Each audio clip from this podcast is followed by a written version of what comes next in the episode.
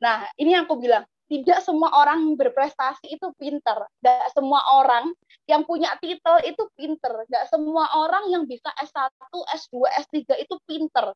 Karena orang yang pinter itu, itu uh, mereka memang apa ya kayak kemampuan kemampuan mereka itu mumpuni secara skill akademik gitu tapi yang di lainnya belum tentu mereka akan mumpuni karena nggak ada satu orang pun yang sempurna kayak gitu nah, berprestasi itu juga harus ada taktiknya.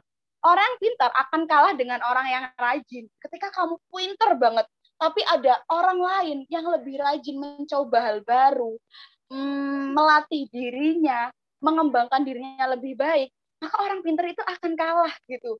Karena orang pintar ketika dia sekali jatuh, dia pasti udah akan down. Dia bakal terluka kayak mikir kayak, oh aku gak bisa berarti. Ini apa? Kenapa dengan aku kayak gitu?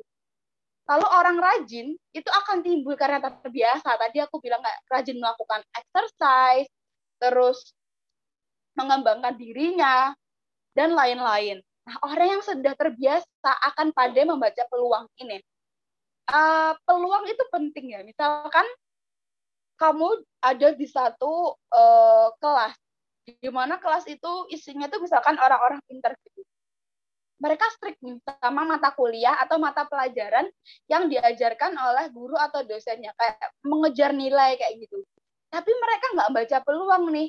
Maksudnya ada kesempatan lain. Misalkan kamu ini fokus di biologi kayak gitu ya. Misalkan pelajaran atau hal yang berhubungan dengan biologi. Kamu ngejar itu, ngejar nilai itu. Nah, di saat kamu itu sebenarnya punya passion lain gitu di saat teman-temanmu ini ahli biologi, ternyata kamu punya ahli di komputer kayak gitu.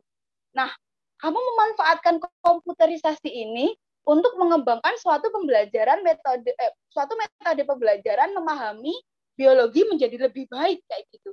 Nah, di sini kamu lebih selangkah daripada mereka. Kamu punya uh, punya kemampuan yang lain dibandingkan temanmu yang hanya based on book. Mereka uh, not back, uh, not based on experience, mereka nggak punya skill lain yang di mana kamu itu punya kayak gitu. Terus ketika perlombaan gitu, misalkan temanmu udah bilang kayak uh, temanmu yang ini nih yang pinter nih udah bilang kayak lomba yang diadakan oleh fakultas misalkan ah itu tingkat fakultas aja kok terus nggak usah lah aku tak nyari yang tingkat internasional atau nasional lah minimal tapi kamu karena hmm, istilahnya mau mencoba gitu ya kamu tetap ikut walaupun lomba itu tingkat fakultas. Nah, dari situ misalkan kamu menang di tingkat fakultas ini, kamu dikenal sama dosenmu. Nah, dosenmu percaya kamu punya kemampuan yang lebih dari teman-teman yang lain. Kamu akhirnya diberi kepercayaan yang lebih kayak kamu uh, didelegasikan buat ikut ini, disarankan buat ikut lomba ini, direkrut jadi asistennya dosen.